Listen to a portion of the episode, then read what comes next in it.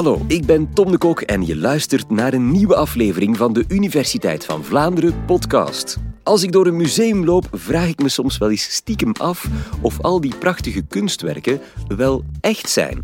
Want iemand met een beetje schilder- of beeldhoudtalent en kennis van kunstgeschiedenis, materialen en technieken zou toch hele mooie replica's kunnen maken. En ik zou het verschil tussen echt en namaak al zeker niet zien.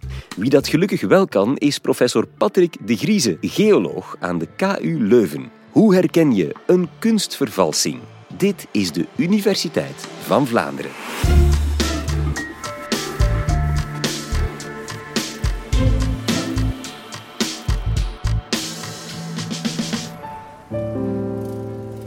Ik neem u graag mee naar Den Haag in 1947 voor het proces van Han van Meegeren. Deze Nederlandse kunstschilder werd na de Tweede Wereldoorlog beschuldigd van het plunderen van cultureel erfgoed en collaboratie met het naziregime. Hij had onder andere het 17e-eeuwse schilderij Christus en de overspelige vrouw verkocht aan Rijksmaarschalk Herman Gering. Om aan de doodstraf te ontsnappen, bekende Van Meegeren in een originele verdediging een ander misdrijf het Bijbelse tafereel van Jezus die de overspelige vrouw toespreekt voor de fariseërs en de schriftgeleerden, hij had dat werk zelf gemaakt. En op die manier had hij met deze vervalsing eigenlijk het naziregime tegengewerkt. Er zal een proces worden gevoerd waarvoor de hele wereld belangstelling heeft. Het proces tegen de kunstschilder Han van Meegeren. Om dit te bewijzen schilderde Van Meegeren een ander werk onder toezicht van de rechtbank met zijn zelfgemaakte verven, zijn eigen eh, verfborstels, maakte hij Christus in de tempel. De zittingszaal, die veel lijkt op een museum, is stampvol als Van Meegeren in de beklaagdenbank plaatsneemt. De rechters komen.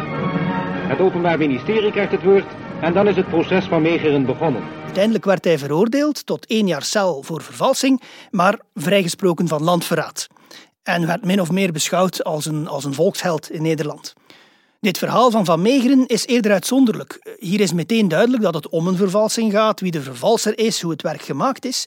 Maar als er twijfel is over een, een kunstwerk, dan kennen we meestal al die zaken niet. En hoe kan je dan als wetenschapper achterhalen of iets echt is? Of het een kopie is of een vervalsing, al dan niet met uh, slechte bedoelingen. Daarvoor gaan we kijken naar uh, vier benaderingen, vier drempels waar we over moeten om te zien of een kunstwerk echt is. De belangrijke eerste drempel is de mening van een kunstexpert, ook wel die expert eye genoemd. Het gaat om iemand die, die zo gespecialiseerd is in een periode of een materiaal of een kunstenaar, dat hij eigenlijk een gevoel ontwikkelt dat hij in een oogopslag onmiddellijk een, een buikgevoel heeft en ziet of het werk juist is of niet.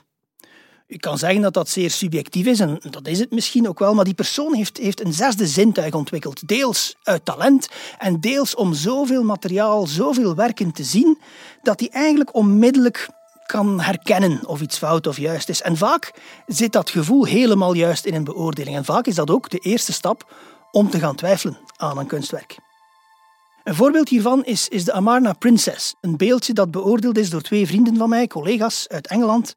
Op een zekere dag stapt een man het museum in Bolton in Engeland binnen met, met uh, in zijn hand een, een, plastic supermarktzak.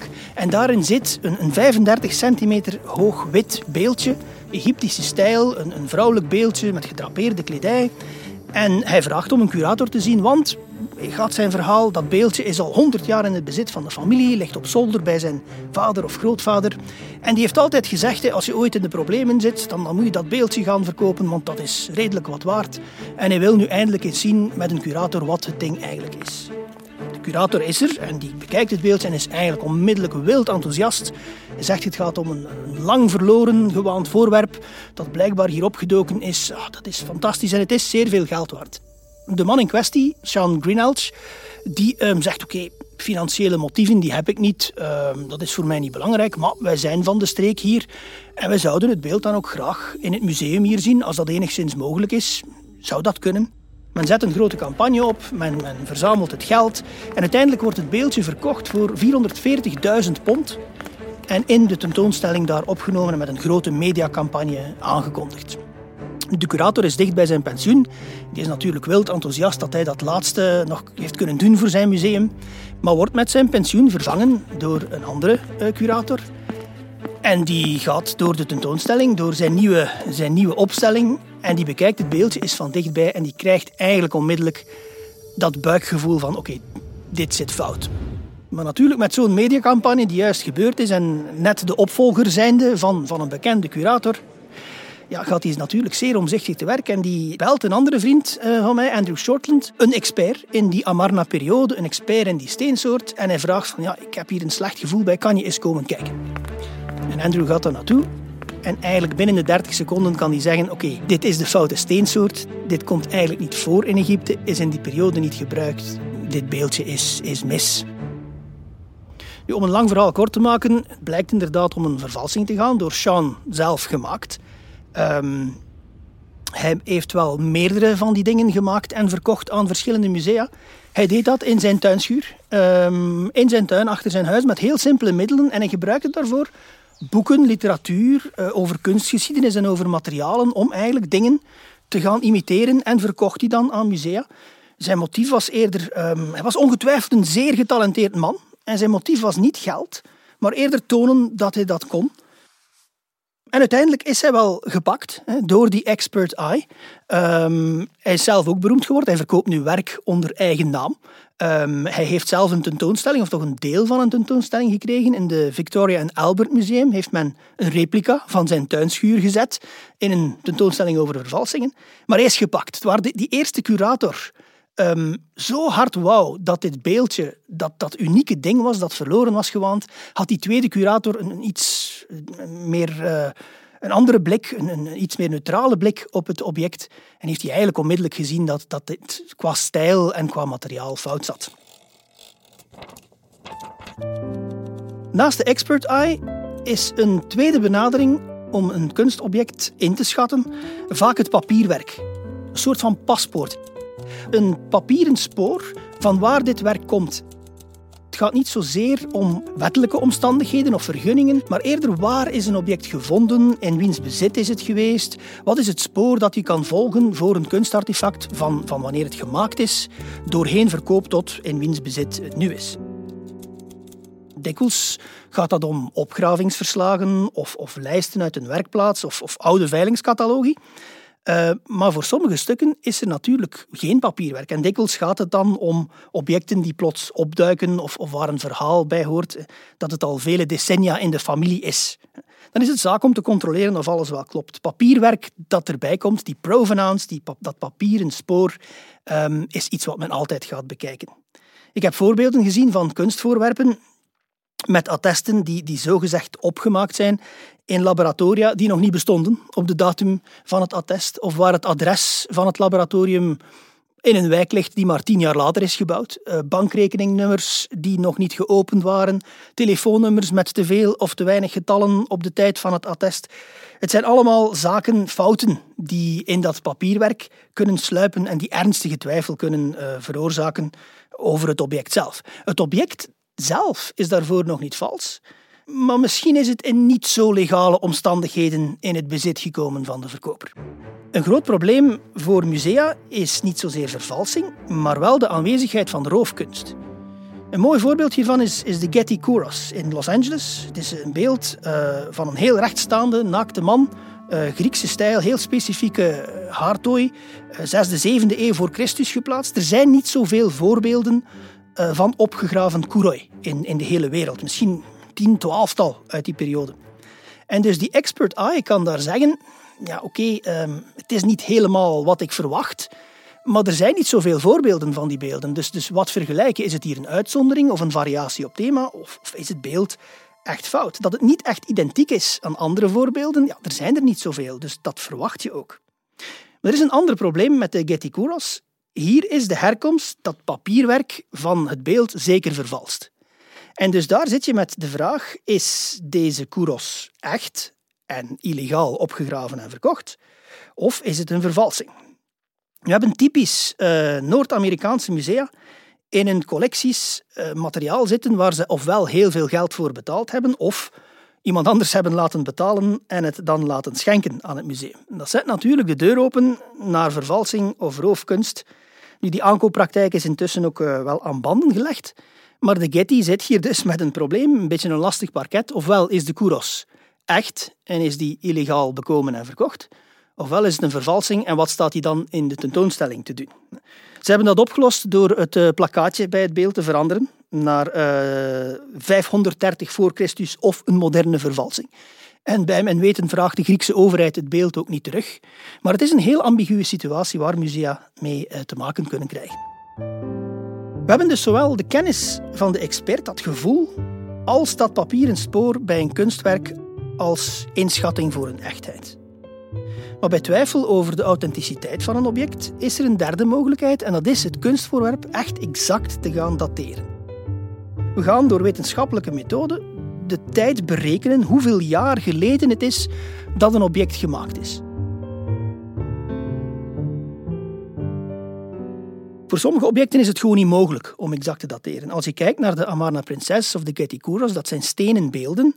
Als we daar het materiaal gaan dateren, dan gaan we eigenlijk kijken hoe oud die steen is. Hoe lang geleden die geologisch gevormd is. Maar dat is niet wat we willen weten. We willen weten wanneer die bewerkt is tot het standbeeld. En dat is eigenlijk heel moeilijk tot niet te doen. Maar voor andere materialen kan je wel door chemische eigenschappen de tijd berekenen, meten, sinds wanneer het object gemaakt is. Bijvoorbeeld het houten paneel van een schilderij of eh, het bakken van klei voor porselein. Methodes als radiokoolstofdatering of, of luminescentiedatering die gaan radioactieve elementen gebruiken als klok. Onstabiele elementen als uranium, thorium, koolstof-14, die komen natuurlijk voor in deze materialen en die gaan over tijd, omdat die onstabiel is, straling uitzenden en, en vervallen tot stabielere isotopen. In bijvoorbeeld een houten paneel van een schilderij kunnen we meten hoeveel van het radioactieve element koolstof-14 nog aanwezig is. En dat is dan sinds het hout gehakt is. Wanneer dat hout leeft, wanneer die boom nog leeft, is die in evenwicht met koolstof-14 in de atmosfeer. Die wordt daar aan een constant tempo gemaakt door straling die op onze planeet valt. En bij leven neemt die boom continu die koolstof-14, of het is pas wanneer de boom sterft, gehakt wordt en het hout is gebruikt, dat die opname van koolstof-14 stopt en we dus de klok kunnen meten. Nu, er is te weinig tijd om dit volledig uit te leggen in deze podcast, maar op de website van Universiteit van Vlaanderen vind je een videocollege heel specifiek over koolstof-14 ehm, die deze methode uitlegt. Bij luminescentiedatering meten we ook exacte tijd. Daar gaan we iets anders benaderen. We meten eigenlijk de stralingsschade in bijvoorbeeld een porseleinen schaal, eh, veroorzaakt door het verval van elementen zoals uranium. Dat verval zorgt voor een ophoping van energie in de porselein. Die schade gebeurt al wanneer de keramiek nog losse klei was. Dan zit al uranium in die klei en die straalt en die zorgt voor die, die schade in de klei. Maar het bakken van de klei op hoge temperatuur zal die energie die door straling vrijkomt eigenlijk terug op nul zetten. En dan begint, wanneer de klei gebakken is in porselein, dat proces opnieuw. Daar zit nog steeds radioactief materiaal in, kleine hoeveelheden die zorgen voor straling. Dat zorgt voor die opeenhoping van energie in het porselein. En die kunnen we dus gaan meten uh, met bepaalde methodes door die klei opnieuw op te warmen of te belichten. We meten dan hoeveel straling er vrijgekomen is sinds die klei gebakken is en dus eigenlijk wanneer het porselein gemaakt is.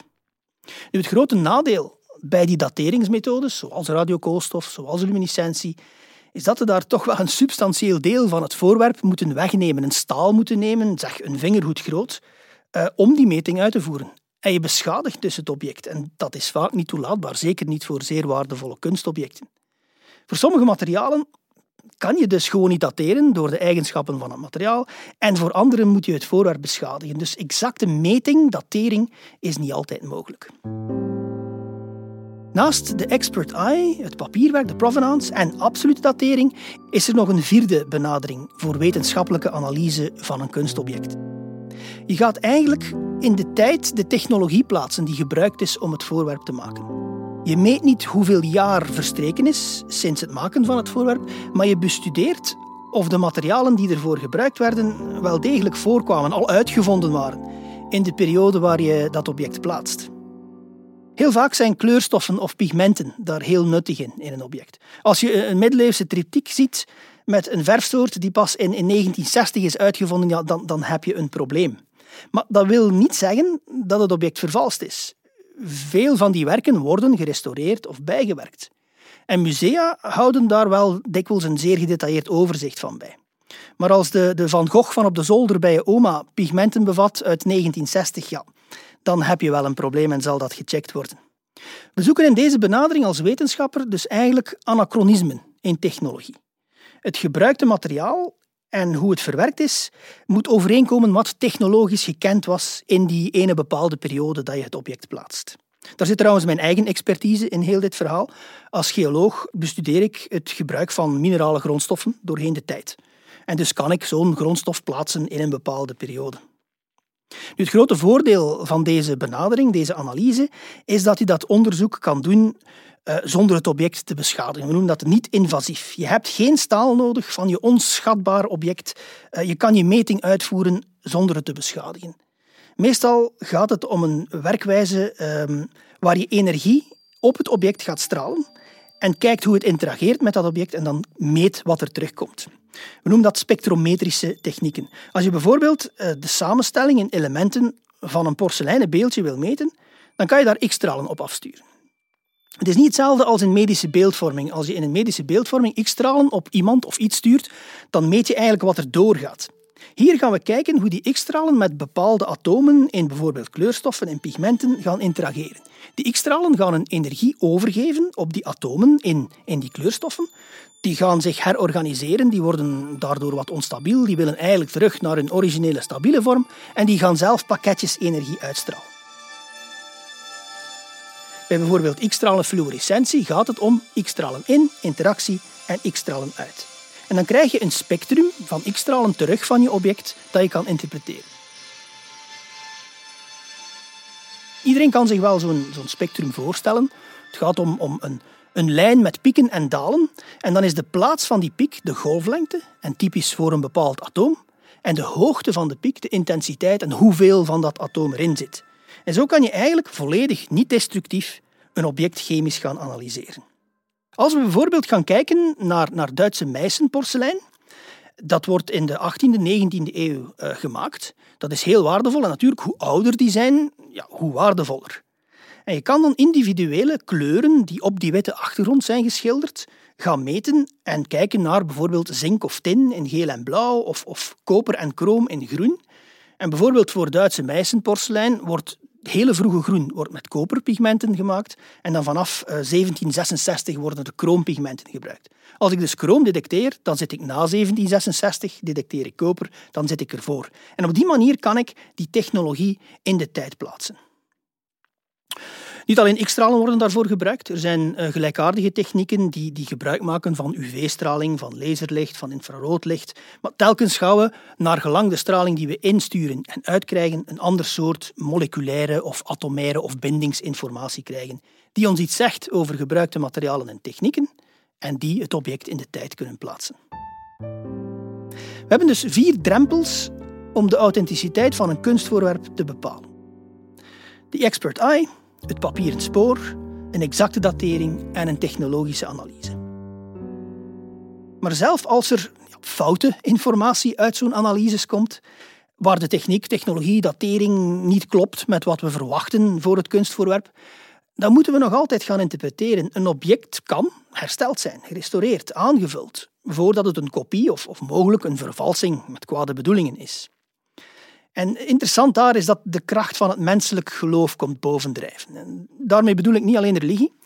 De curator van de Amarna-prinses, die, die het beeldje aankocht, die wilde zo hard dat dit het ware vermiste ding was, die uitzonderlijke vondst, dat hij evidente zaken in het materiaal over het hoofd heeft gezien. En de volgende curator die, die was meer onthecht van het beeld en die zag dat eigenlijk onmiddellijk. Vaak zien we zaken niet omdat we zo hard willen dat ze er niet zijn.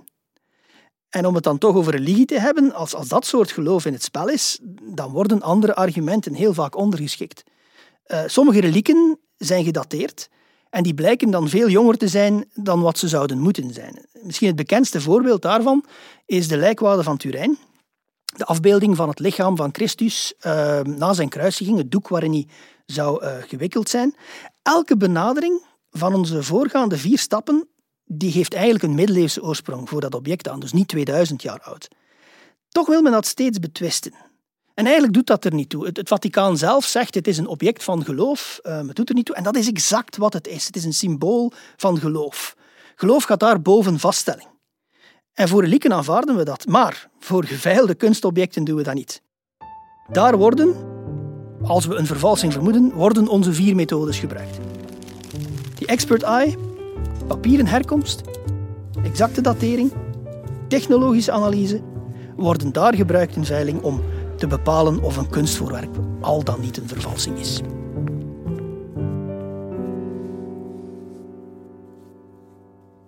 Dankjewel, professor De Griezen. Je hebt natuurlijk zelf ook een expert eye. Ben je wel eens bij een kunstwerk aangekomen waar je binnen de 30 seconden van wist, hier klopt iets niet? Ja, um, waar je eigenlijk onmiddellijk ziet dat het materiaal niet klopt, dat gebeurt. Ik zelf heb, heb, zeer weinig kennis van, van uh, de typologie van de kunstgeschiedenis, dat dat um, de hand van de artiest, dat heb ik niet. Maar het materiaal natuurlijk wel. Als geoloog bestudeer je welke grondstoffen gebruikt zijn voor welke materialen doorheen de tijd. Dat is toch mijn specialiteit. En dan kan je wel eens iets tegenkomen waar je inderdaad in, het eerste, in de eerste oogopslag kan zeggen van oké, dit is heel erg fout. Wij werken meestal, eh, of ik werk meestal met, eh, niet met privéverzamelaars, maar met musea of, of overheden, politie, um, om zoiets te gaan bekijken. Uh, maar het is al gebeurd. In, in, in heel concreet voor mij een steensoort die helemaal niet klopte. Um, dus je, je, je hebt een beeldje, je neemt het vast. Je vraagt eerst of je het mag vastnemen en dan neem je het vast. En je hebt een soort van verwachting als je steen opheft van een, een, soort van textuur en gewicht. Dat is nu een, voorbeeld dat heel dicht in mijn geheugen zit, waar ik het ophef en het is veel te licht. Het klopt niet. Het is, niet wat ik verwacht. Het bleek dus ja, een, een, een grotendeels plastic namaak te zijn. Um, wat eigenlijk voor iemand die het materiaal kent zeer evident is. Maar in een veilingscatalogus of, of zijn dikwijls de, mogelijkheden om zoiets te bekijken en te voelen beperkt. En dan kan het wel eens doorslippen. Bestaan er onvervalsbare kunstwerken? Is het ene kunstwerk makkelijker te vervalsen dan het andere? Dat is, um, ik geef ook een, een uh, les in, in vervalsingen of fakes en forgeries uh, met die collega's in Engeland. En um, dat is een week waar alle technieken worden besproken en, en de geschiedenis van materialen. En het examen daarvoor is eigenlijk maak een vervalsing. Niet fysiek, maar geef ons een plan om een vervalsing te maken die niet gedetecteerd wordt en die genoeg opbrengt.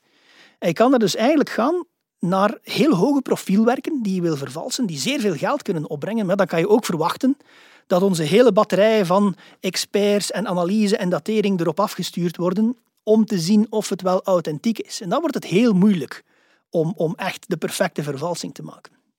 Je hebt ook objecten die je makkelijk kan vervalsen. Munten, uh, legeringen, metaal, dergelijke, maar die eigenlijk bijna niks opbrengen. En dan is het de moeite niet om de vervalsing te maken. Dus dan gaan de studenten eerder zoeken in het middenbereik waar je toch genoeg geld krijgt en het niet genoeg is om heel veel technieken te gebruiken, maar toch doenbaar is om het te vervalsen. En dan krijg je eigenlijk een heel aantal creatieve oplossingen om in, in dat middenbereik zaken te gaan uh, reproduceren. Natuurlijk gaan we dat niet echt doen, hè. Uh, maar het is een, een theoretische denkoefening. De perfecte vervalsing, ik denk niet dat die bestaat. De vraag is, gaat er genoeg inspanning om het te gaan detecteren?